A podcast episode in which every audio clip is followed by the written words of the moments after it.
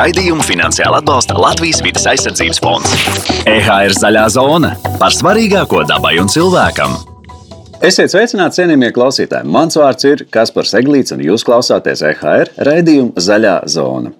Gandrīz katrs piektais nāves gadījums ir saistīts ar smalko daļiņu PM2,5 piesārņojumu, ko rada ceļu satiksme, elektroenerģijas ražošana un citas darbības, kas saistītas ar benzīna, dīzeļdegvielas, ogļu un gāzes sadedzināšanu. Tā ziņo Hārvardas Universitātes un Londonas Universitātes koledžas zinātnieki. Pilsētvidē Īpaši nelāgi izjūtam auto piesārņojuma sekas, tāpēc loģiski, ka viens no risinājumiem zaļi domājošiem automīļiem ir elektroautorāts. Par mītiem un ieguvumiem saistībā ar elektroautorātu un elektromobilitātes infrastruktūras pieejamību šodien zaļajā zonā Kārlis Menziņš no Uzlādēt LV. Sveiks, Kārli! Sveiki! Nu, iesākumam droši vien, ka svarīgs jautājums, kas ir uzlādēts LV un ar ko tu, jūs tur nodarbojaties?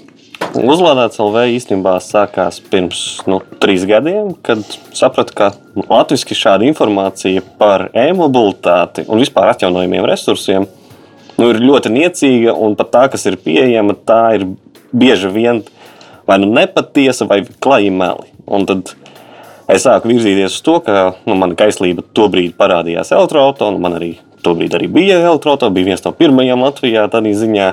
Kas bija tavs autors? Nu, joprojām ir Citroen C0. Tas ir 2012. gada mašīna. Es viņu jau nopirku lietotu. Tad es varētu teikt, ka Latvijā bija pionieris, pionieris kurš nopirka vēl lietotu elektroautorātu. Mm -hmm. Un, jā, nu, būtībā es sapratu, ka informācija latviešu valodā vismaz ir nepietiekama, nu, neadekvāta arī. Kāpēc tev ir uh, svarīgi, tev kā Kārlim, runāt par šīm lietām? Viens ir entuziasms, bet nu, tas jau ir diezgan liels darbs. Rakstīt kaut ko, meklēt, meklēt kaut kādu informāciju. Jā, nu, es arī par šādu jautājumu ik pa laikam sev uzdodu, kāpēc es vispār to daru. Jo tā atgriezniskā saite varbūt nav tā kā mantiskā. Es ar to nepelnu. Tas man ir tāds hobijs. Nu, tā, tā es arī sapratu. Nu, īstenībā man tas ir izveidojis kā hobijs. Man bija, pirms tam bija fotografēšana, elektronika. Un, tad vēl pirms tam sports, nu tad tagad eh, man ir blogošana par e-mobilitāti. Bet, principā, laiks, eh, lai arī šķiet ne tik sen atpakaļ, bet, bet šo gadu laikā tēma elektroautorāta ir ļoti attīstījusies. Kāpēc tajā brīdī tev ir svarīgi runāt par kaut ko tādu? Vispār, kāpēc ir svarīgi nopirkt elektromobīli. Tu teici, ka tu esi viens no pionieriem Latvijā. Tas ir vienkārši gribējās pamēģināt, kā tas ir. Nu, Tobrīd tas sakritā viss ar entuziasmu. Tanī brīdī vispār bija tā situācija, ka es neapsvēru mašīnu, man nebija mašīnas. Bet es tā kā ik pa laikam paskatījos sludinājumu portālos, nu, kas ir pieejams. Nu, tā joka pēc. Aizsūtīju vienu sludinājumu, kur ieraudzīju savai sievai ar tekstu, ah, šo gan mēs varētu atļauties. Un viņi atbild, bet ņemam. Es tā pastos kontā, parunāju ar banku, nu ņemam. un tā tā mana pirmā mašīna dzīvē, kas pieder man personīgi, un tad attiecīgi uzreiz elektroautorāta. Nu, droši vien, ka pirms trīs gadiem uzlādēt elektroautorātu varēja būt nedaudz sarežģītāk. Jā, Šobrīd ir vesela infrastruktūra, bet par to mēs vēl paspēsim parunāt. Iesākumā varbūt tu vari ieskicēt, kas īsti ir Tas diezgan loģisks jautājums, kas ir elektromobīls? Jā, nu, būtībā tas ir transporta līdzeklis, kas, lai pārvietotos, izmanto elektrisko enerģiju, ko glabā sevī. Un tā ir ziņā, ka baterija vai arī ūdeņradis būtībā tiek pārveidots uz elektrību, un tad viņš kustina elektrisko motoru. Tas arī skaitītos elektromobīls. Mm. Bet uh, plug-in hibrīdi un parastie hibrīdi neskaitās kā elektromobīļi, jo viņi pamatā lieto tomēr degvielu. Tu minēji nedaudz aizkadrā pirms tam, ka arī no konstrukcijas viedokļa šī automašīna ir varbūt mazliet citādāka kā iekšzemes dzinējs. Tas ir tās būtiskākās starpības. Tās lielākais jau iegūms ir, ja šī mašīna jau no paša sākuma ir domāta kā elektroautorāta. Ja tas ir pārveidots, tā kā hei, mums ir rekurbi čaula, ir iekšzemes dzinēja mašīna, tad mēs tur, kur ir motora telpa, tur mēs ieliksim visas elektroniskās komponentes, un tur, kur ir bāka un zem sēdekļiem sabādīsim baterijas, nu, tas ir vairāk kompromiss. Uh, bet tās lielās būtības, kas, kas ir elektroautorāta, tas ir salīdzinoši liela baterija, elektriskais motors, inverters, kaut kāds smadzenes, kas to visu kontrolē, uzlādes aparāts un četri riteņi un čauli, kas to visu satur kopā. Un, ja konkrēti esmu redzējis kaut kādus slaidus, kur salīdzina arī tādi oficiāli pārstāvji Latvijā. Un tā atšķirība ir diezgan ievērojama kustīgajās daļās. Ja teiksim, elektroautorāta kopumā ir 400 daļas, nu, par, ja mēs runājam par visu šasiju, neskaitot tur sēdekļus un tādas lietas, tad iekšzemes dzinējām tas ir 2000. Un tikai uz motoru vien var ietaupīt uz 1200 kustīgajām daļām. Mm -hmm. Tas ir 1200 kustīgās daļas, kas var salūst. Nu, tad runājot par salūšanu, kā ir ar drošību?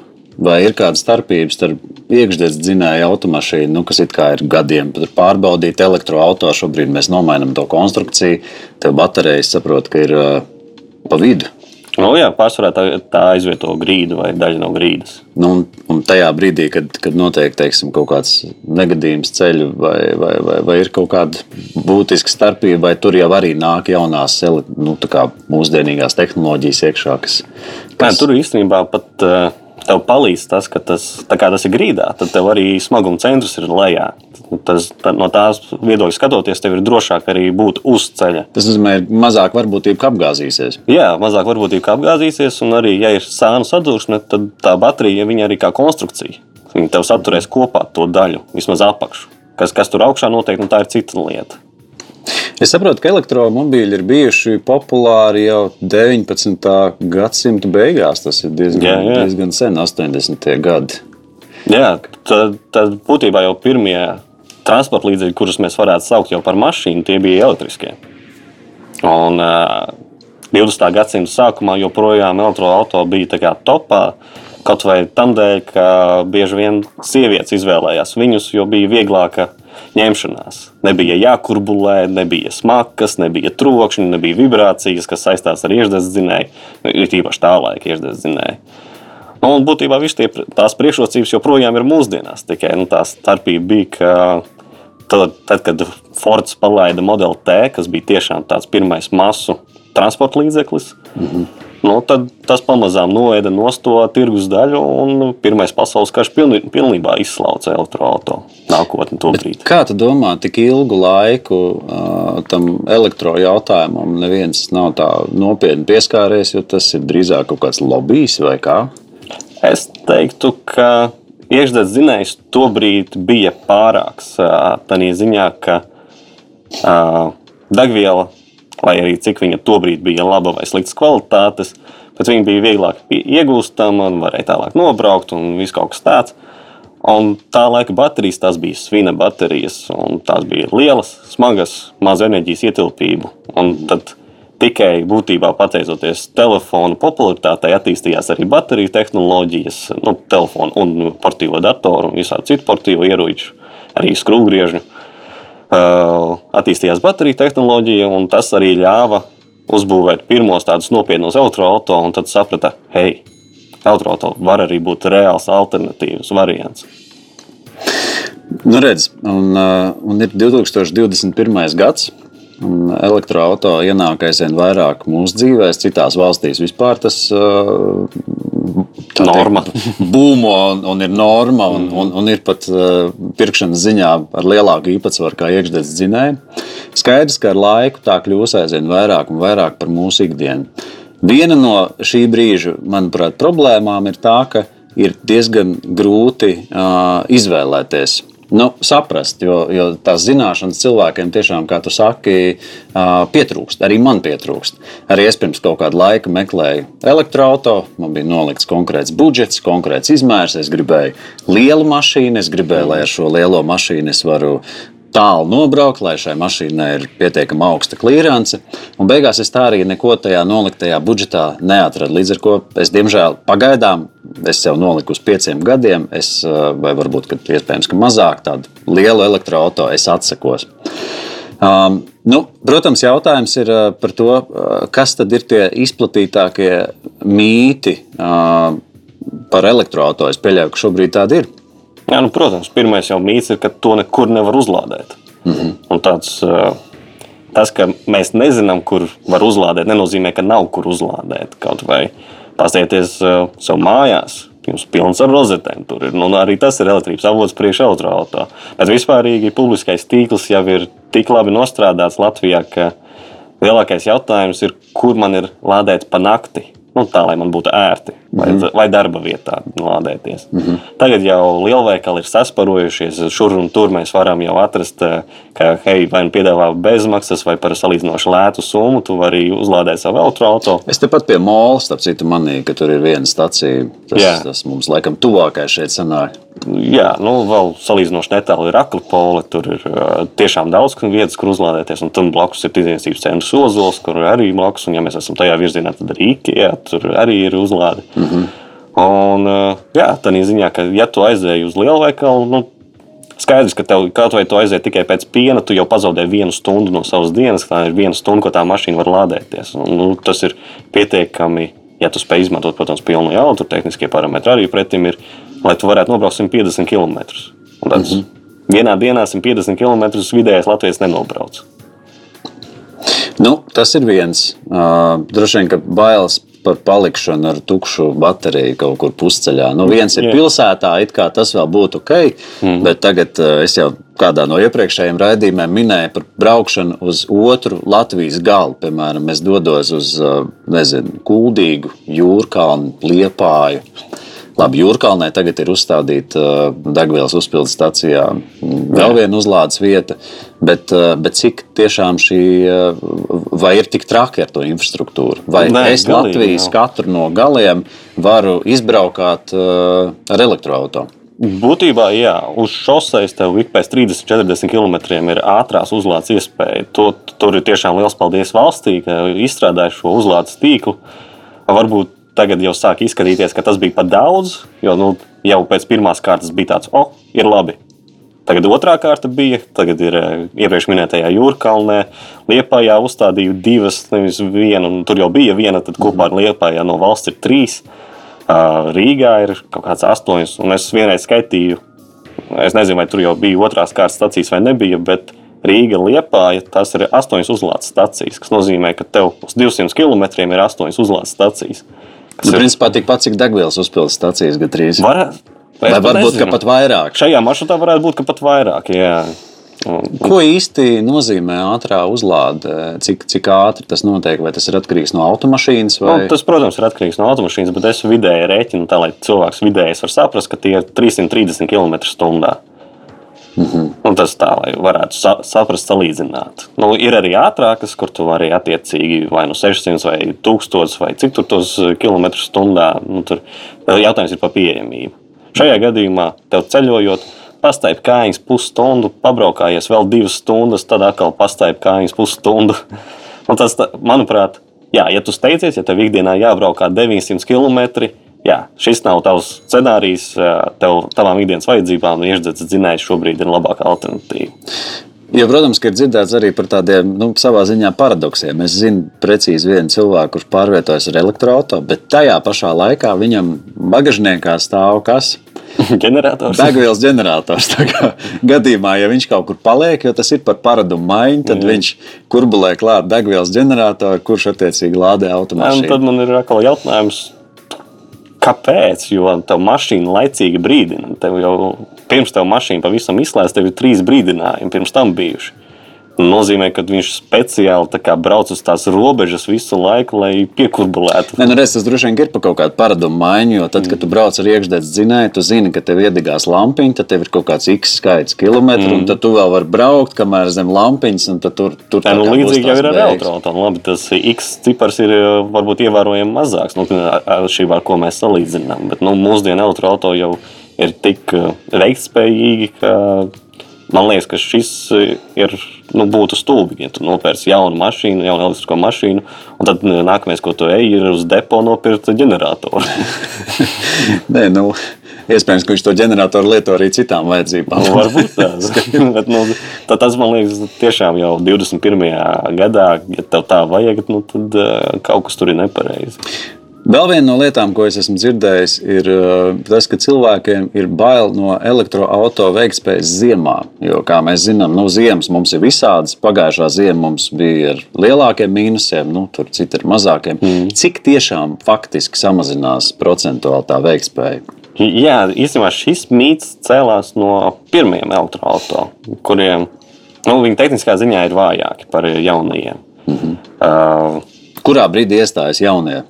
es teiktu, ka 17, 18 gads tas ir aptuveni tas, kurā brīdī mēs jau varam sākt runāt par jaunajiem elektroautoriem, nu, par mūsu paudzes, jaunākās paudzes elektroautoriem. Teikšu, ka tagad jau tā uz pārmijas, uz nākamo paudzi.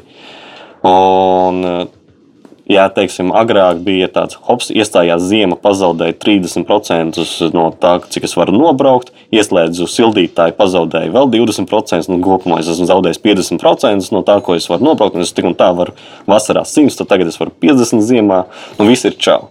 Nu, saprotami, jā. Un plus vēl tev patīk iespiest pedāli grīdā, nu, tur 50 km kļūst par 20 km. Mm. Nu, tur, tā, tāda scenārija arī ir dzirdēti. Bet mūsdienu mašīnām Es arī pamēģināju ziemā kādu jaunāku, ne, ne tikai savējo 12 gadu, nu, 12. gada. Un, ja teiksim, uz papīra tas sola 450 km, tad ziemā mīnus 10 grādā ārā 400 km. Mm -hmm. tu, Kas nav nemaz tik daudz. Nu, tāds, ka pazuduši 50 km, un tas ir mašīna rēķina pēc taviem iepriekšējiem kilometriem. Ir jāsaprot, ka arī iekšzemes dzinējs zaudēja aptuveni 20% uz ziemā. Mēs vienkārši to nepievēršam uzmanību. Tad tāds - 7 litri man bija vasarā, tagad ir 8,5 vai 9 litri. Nē, nu, kāda atšķirība? -hmm. Nu, vienīgais droši vien, ka faktors ir, ja nu gadījumā iekšzemes dzinēja bagžniekā nav. Tu esi kaut kur tāpēc, ka tev patīk iespiest palicis. Ko cilvēki dara tādos brīžos? Jo nu, skaidrs, ka iekšzemes dzinēja to ir kanniņu uz benzīna tanka. No nu, kanniņa pēc mm. elektrības droši vien, ka tu neaizies. Nu, jā, ja tev tiešām ir gadījies tāda situācija, ka tu esi pilnībā ignorējis visus brīdinājumus, ka tev tūlīt beigsies baterija un tu turpināsi braukt nekurienes vidū. Uh, ir divas opcijas. Vai nu tu izsauc kādu palīgā, nu, nu, vai arī kādu nostopē. Mm -hmm. Un vēl ir otra opcija, ka tu druskuļi pagaidi, un baterijas tā nedaudz tā atdzīvosies, un tu varēsi atkal kādu kilometru, varbūt divus nobraukt. Nu, tā ir tāda fizikāla, ķīmiskā īpašība baterijām. Kas bija tā kā ar vecajām Nokijām, kad viņas piesreiz var ieslēgt. jā, jā, jā, jā. Es vēl zinu, citi parastās tās pirkstiņa baterijas pultiņu. Drusku padauzi, aiziet. Mm.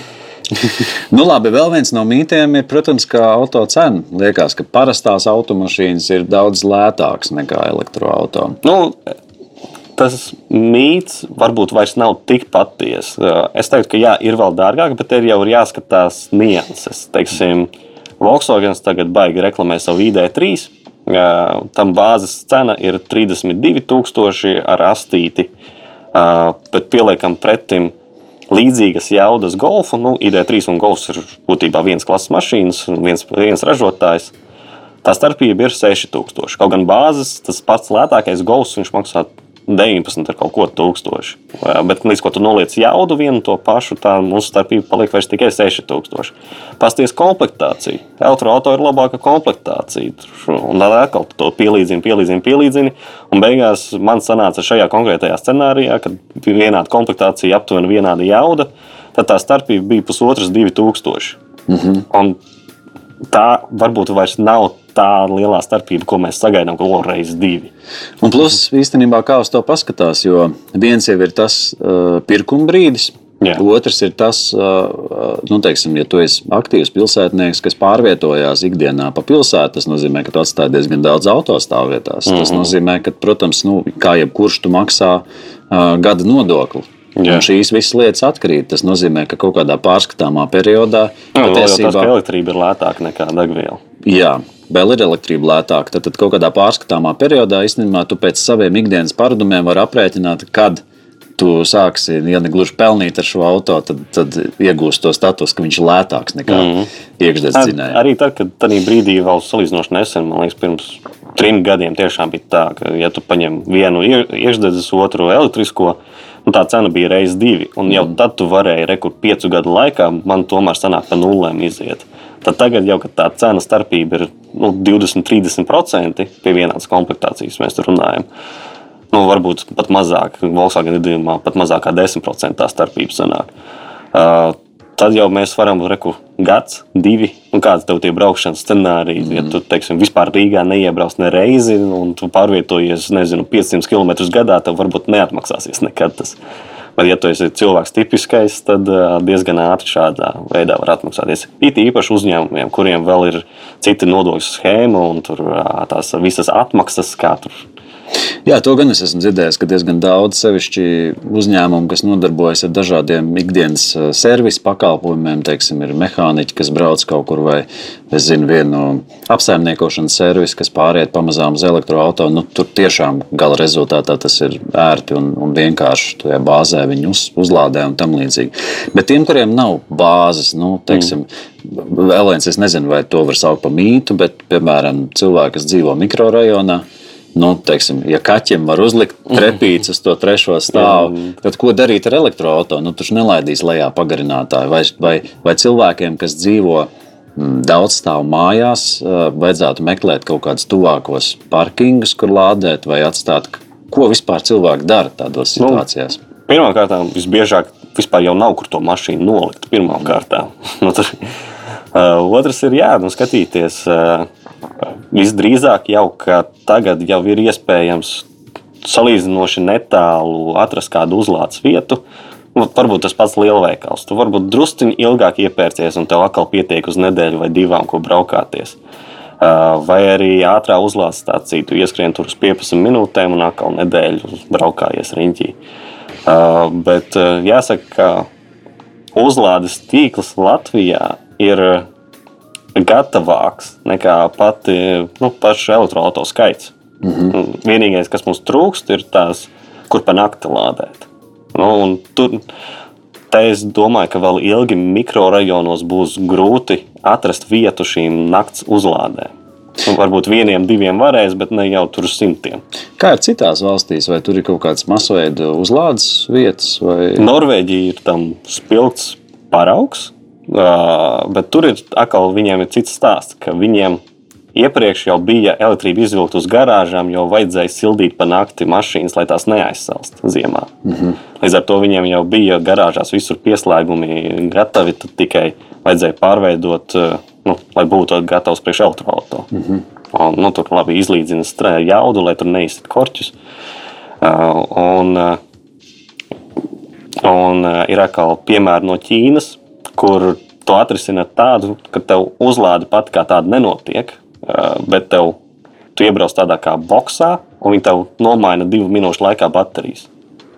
Un brauc ārā. Tad, tad ir arī maināmās baterijas. Jā, nu, tas ir.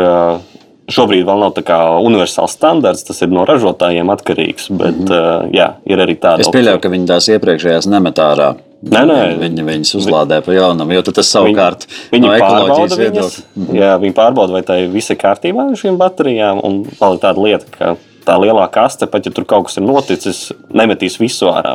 Metīs, nu, mainīs to daļu, kas ir beigta. Mm -hmm. Tur vai nu ir 20 bloki vai 2 bloki, nu, tur kādu, kādu, kurš ražotājs ir izstrādājis.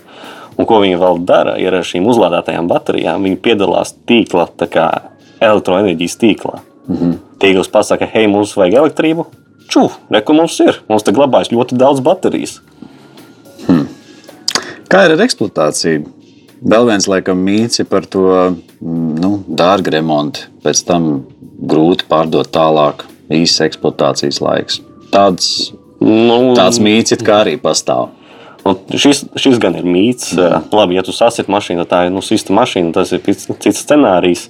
Nē, es pieļauju, ka ritošās daļas droši vien ir jāmaina. Tas, kas no, es pieļauju, ka nav jāmaina, ir atsevišķi, teiksim, eļļas, viss kaut kas, teiksim, motorēļi vispār aizmirst kā tādu. Nu, jā. jā nu, bremžu šķidrums, tas, jā, tas kā, kā kurš ražotājs. Bet, nu, tas ir tiešām smieklīgs summa. Bremzes pašas nodilst retāk, jo ir tā foršā feature, teiksim tā, ka elektriskais motors, tad brīdī, kad tu bremzē, viņš piepalīdz bremzēšanas procesā un mhm. dabū to enerģiju, to kinētisko enerģiju. Viņš pārvērš atkal elektroenerģiju, nu, ko ielikt baterijā iekšā. Tā ir tā skaņa, kas ir nomas auto. Man liekas, daudziem pilsētā var šobrīd dzirdēt, jā, jā, jā, tu bremzē. Tas, nu, jā, tāds, un arī tāds, hibrīdi tas. arī to dara. Mm -hmm. Nu, ka tas ir vienīgais veids, kā hibrīdi iegūst enerģiju. Tie, kas nav lādējami. Bet lielos vilcienos uh, ir tāpatās vai pat lētāk? Es teiktu, ka ievērojami lētāk. Jo, teiksim, pēc savas pieredzes droši Jā, pēc manas pieredzes. Man tiešām deviņgadīga mašīna ir uh, lielākais, kas viņai ir noticis. Es esmu vienreiz uh, savirzi regulējis. Tāds labi, sezonālā riepumaiņa, nu, saprotami, bet es esmu savirzi maiņa, pieregulējis un viss. Bet kaut kādas ritošās daļas, teiksim, tur. Nē, man vēl joprojām ir oriģinālās bremzes. Nu, kā jau teicu, motors palīdz bremzēšanas procesā. Bet, protams, tas arī individuāli jāskatās. Ja tu bieži brauc pa salas peļķē, nu, tad saprotam, nu, ka tev tur jebkura mašīna ātri izrūsēs. Mm. Kā ir ar kaut kādiem nu, gudrākiem mehānismiem, visādi mikročipi un, un viss kaut kas. Jo, protams, ka jo vairāk elektronikas, vairāk ko nojukt. Vai tas jau ir pietiekami attīstīts elektronikā? Nu, es teiktu, ka uh, ta, tas nav kaut kas, par ko būtu jāuztraucās. -hmm. nu, tur, protams, jebkura tehnika var iziet no ierindas, bet tas nav tas temats, par kuru uztraukties. Nu, šobrīd mēs vēl aizvien, uh, diemžēl, esam Covid laikā. Es ceru, ka drīz būsim ārā, bet viens no. Nu, Covid laikā patērētāju paradumi mainās daudzās sfērās, un interesanti, ka ir novērots arī, ka tādā klasiskā auto tirgu ir, ir kritums. Bet elektroautobīļu jomā ir kāpums pārdošanas ziņā. Ar ko tavuprāt tas ir izskaidrojams? Un, un... Tas ir izskaidrojums, ka iestājās vienlaicīgi divas lietas. Mm. Viens ir augstāk iepriekš minētais Covid, ka būtībā cilvēki sāk domāt, piedomāt, kā viņi patērē savu naudu. Un otrs ir tas, ka pagājušajā gadā stājās spēkā Eiropas Savienības regula par izmešiem un autoražotājiem. Mm -hmm. Un būtībā tā vienā teikumā sakot, autoražotāji ir spiesti pārdot lielākus apjomus elektroautorātu, lai viņi izpildītu Eiropas Savienības regulas. Un beidzot atvērās slūžām vārti un izrādās, ka visi autoražotāji spēja piedāvāt elektroautorātu. Līdz šim bija tāds, ka tu gribi elektroautorātu, nu pagaidi deviņus mēnešus, un varbūt tās būs. Tagad, 20, 20. un 21. gadā, ah, nu jā, pēc divām nedēļām būs viss kārtībā. Kā tev šķiet, vai nu, šobrīd mēs jau runājām par to, ka ir tās uh, dažādas privilēģijas elektroautorātam? Mm. Nu, teiksim, viens ir gada nodoklis, otrs ir nav jāmaksā par autostāvvietām. Mm. Nu, precizēsim par Rīgas, par Rīgas satiksmes autostāvvietām un Liepājas. Par Eiropu ir jāmaksā. nu, nu jā, nu jā, protams. Bet jautājums, vai pieaugot elektroautorāta popularitātei, nepastāv risks, ka kaut kādā brīdī šīs ah, sabiedriskā transporta joslas vēl, mm. bet vai pieaugot elektroautorāta popularitātei, šīs privilēģijas varbūt vienā brīdī noņems nost? Nā, nu, skaidrs, ka vienā brīdī viņas pazudīs. Nu, Tādā brīdī, kad elektroautorāta būs norma. Jautājums ir, kurā brīdī mums iestāsies šī norma un cik liela ir šī norma, skaitliski. Uh, Kā es uzskatu, redzot Norvēģijas piemēru, kur viņi tagad tikai sāk pateikt, ka pa autobusu joslu, ja tu brauc viens, tad nebrauc. Ja jūs esat divi, tad variet braukt. Joprojām pilsētā var parkoties. Tur varbūt tagad ir nevis bezmaksas, bet par ļoti, ļoti samazinātu cenu. Mm -hmm. nu, tas, ka, nu, viņi tā, turpina motivēt. Jā, būtībā, motivācija paliek. Nu, varbūt tev tagad ir nedaudz eh, sarežģītāks tas process. Nu, tā, salīdzinoši tas joprojām ir ļoti motivējoši. Nu, kā tev šķiet, pēc, pēc, cik tāls ceļš mums vēl ir jāiet? Cik, cik gadiem Latvijā ir jāpaiet, lai vairāk mums būtu elektroautorāta, nevis uh, iekšzemes dzinējs? Nu, ja mēs skatāmies tīri jaunās mašīnas, nevis ko tipiskais vidējais latviečs, kas pērk desmit gadus vecu dīzeli, nu, Nu, labi, nu, tur, tas ir cits stāsts. Tur ir valdībai vairāk jāpiedomā, kā to mainīt šo situāciju uz labu. Bet, ja tīri jaunajām, tad es teiktu 25. gads, jo tāds solās būtu jaunā Eiropas Savienības izmešu regula, kas būtībā paziņos, ka viss iekšzemes dzinējiem nav nākotnes. Un kas notiks ar iekšzemes dzinējiem? Mašīnas jau būs iznīcinās. Nu, nē, nu, uz ceļiem, kas būs, tās būs. Bet uh, jauns pārdodas. ražots jauns. Jā.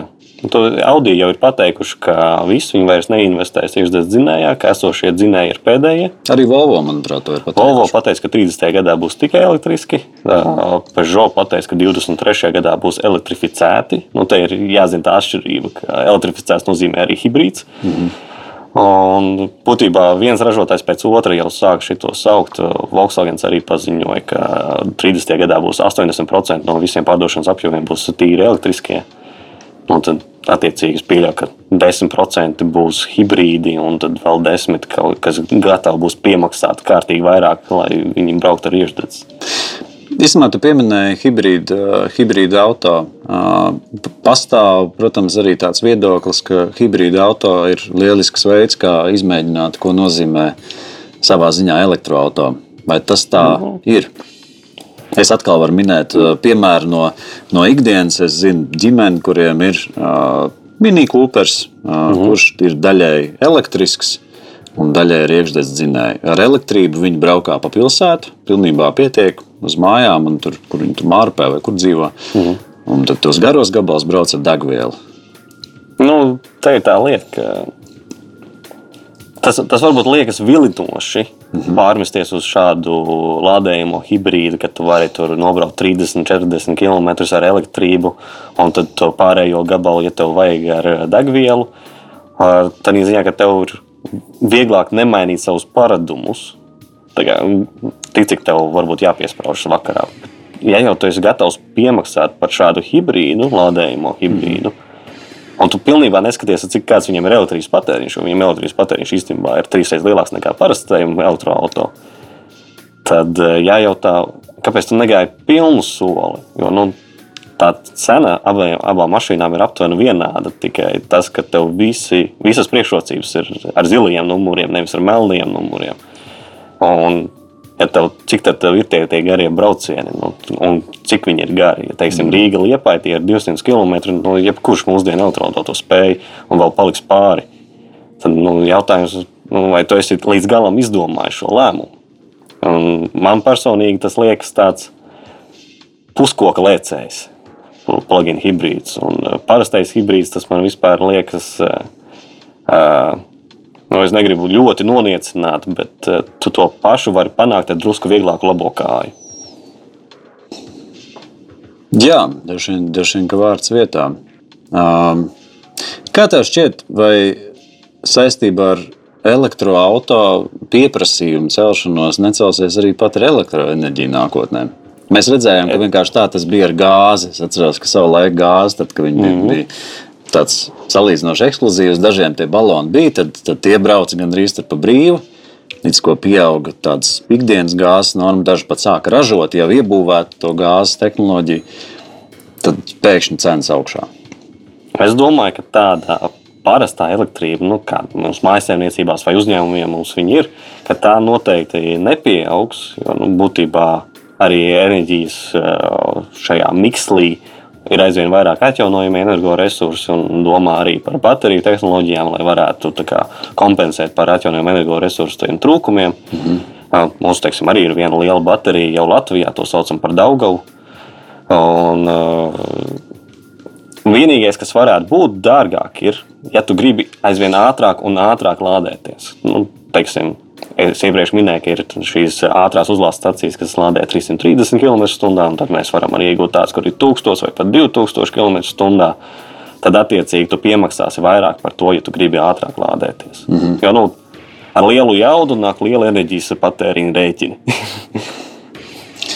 Kā jau visām elektroierīcēm patiesībā. Nu, pa lielam, jā. Nu, tāds, tu gribi vairāk, nu, tad maksā vairāk.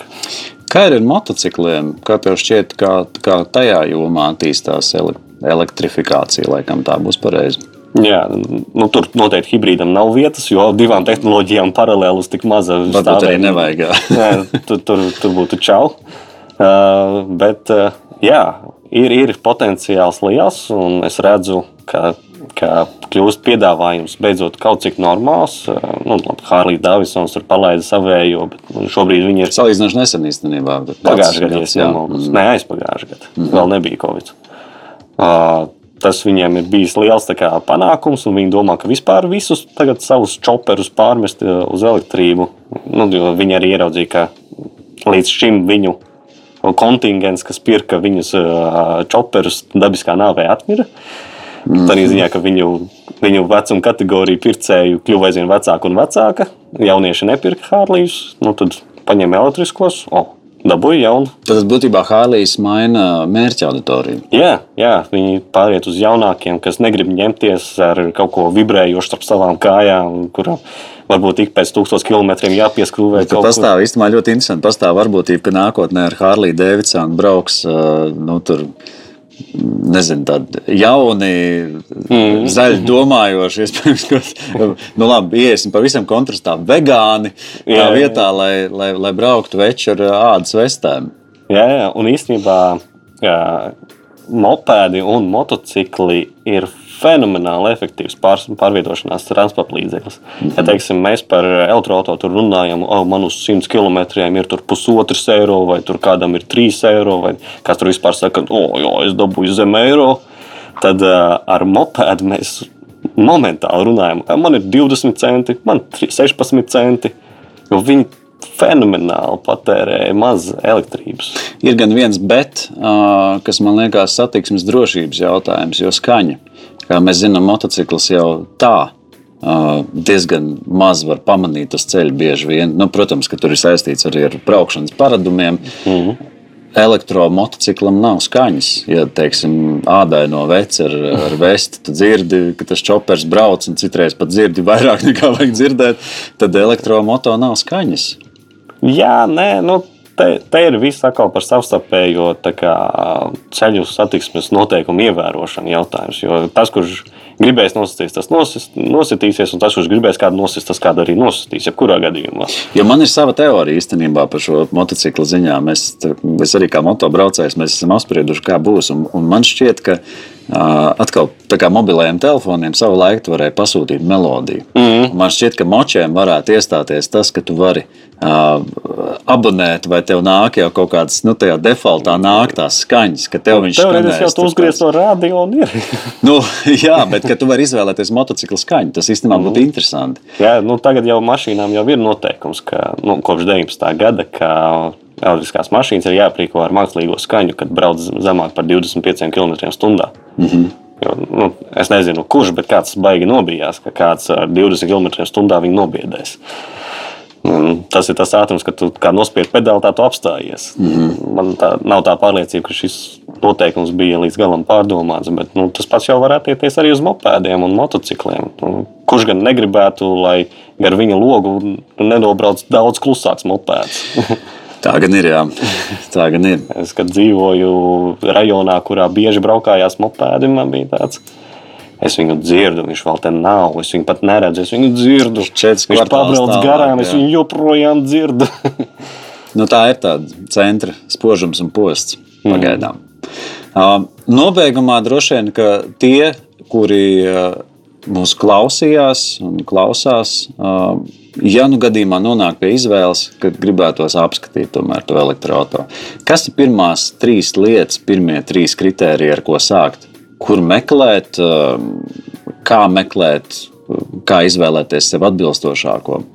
Nu, vispārīgi es sāktu ar to, ka apzināt savas vajadzības. Ja tu vienkārši ej meklēt jaunu mašīnu, jo tu gribi jaunu mašīnu, nu, tas ir ļoti dārga izpriece. Nu, tāds, ne, nevajag, nevajag mocīt sevi tā, ma, ekonomiski šādos veidos. Apzināties savas vajadzības, varbūt pēkšņi noskaidros, ka tu ikdienā nobrauc tikai 10 km. Tev, ja tev ir garāža, kas nozīmē, ka tu vari ar jebkuru elektroautorātu būtībā izbraukt mm. savu ikdienas maršrutu. Ir vēl, es zinu, daudz cilvēku, kas paņēmuši, kā, nu, lai sieva pabraukā, aizved bērnus uz skolu, iepirkties, nu, tur kaut ko tādus mazos darbiņus izdarīt ar autoauto, un beigās sieva nereiz nav tikusi pie stūres, jo saprata, cik, cik forša šī mašīna ir. Mm -hmm. nu, jo, vienkārši, jo, lielāk, jo vairāk tu brauc, jo lielāks ekonomiskais iegūms tev arī ir no tā. Uh, bet, ja tu gribi tiešām tā kā meklēt un salīdzināt. Es uzlādēju CLV, esmu ielicis tādu rakstu, kur ir salīdzināta elektroautorāta plecs pie pleca. Kā, nu, šis ir arī nosaukums elektroautorāta plecs pie pleca. Ka, re, kur ir cena blakus, cik ir nobraukums, kāda ir uzlādes spēja. Un, nu, tādi tehniskie parametri blakus, lai būtu nedaudz vieglāk izvēlēties. Mm -hmm. uh, vispārīgi, ja grib tā izmēģināt, vai šodien es gribu izmēģināt manu ikdienas maršrutu izbraukt, paņem koplietošanas mašīnu. Tas būs salīdzinoši ērts un lēts prieks, kā saprast, vai tev der ikdienai vai nedara. Jā, īstenībā tas patiesībā tiešām ļoti vienkārši. Un, un man šķiet, ka koplietošanas auto, protams, vispār ir atsevišķa tēma. Jo varbūt, ka tu paņemsi un tu sapratīsi, ka tev automašīna centrā vispār nevajag. Tu vari iztikt ar koplietošanas elektroautorātu. Jā, jā es, es zinu, cilvēks, kas tā ir arī tā gājuši. Nu, man jau tā mašīna jau sāka kļūt kā sloks vairāk nekā kā reāli. Un tad parādījās fiksija. Oh, mm forši! Viss no nu jā, pārdevu. Un tad, kad tev vajag, tu tiec pie auto. Noteikti klausītāji palasam uzlādēts LV. Rūpīgi pārdomājam, jo noteikti ir vērts, un, un ar katru gadu es domāju, ka, ka kļūs vēl vērtīgāk. Teikšu lielu paldies par sarunu. Klausītājiem atgādināšu, pie mums zaļajā zonā ciemos bija Kārls Menziņš no uzlādēts LV, bet mēs turpinām klausīties EHR raidījumu Zaļā zona. Uz tikšanos! Raidījumu finansiāli atbalsta Latvijas vidas aizsardzības fonds.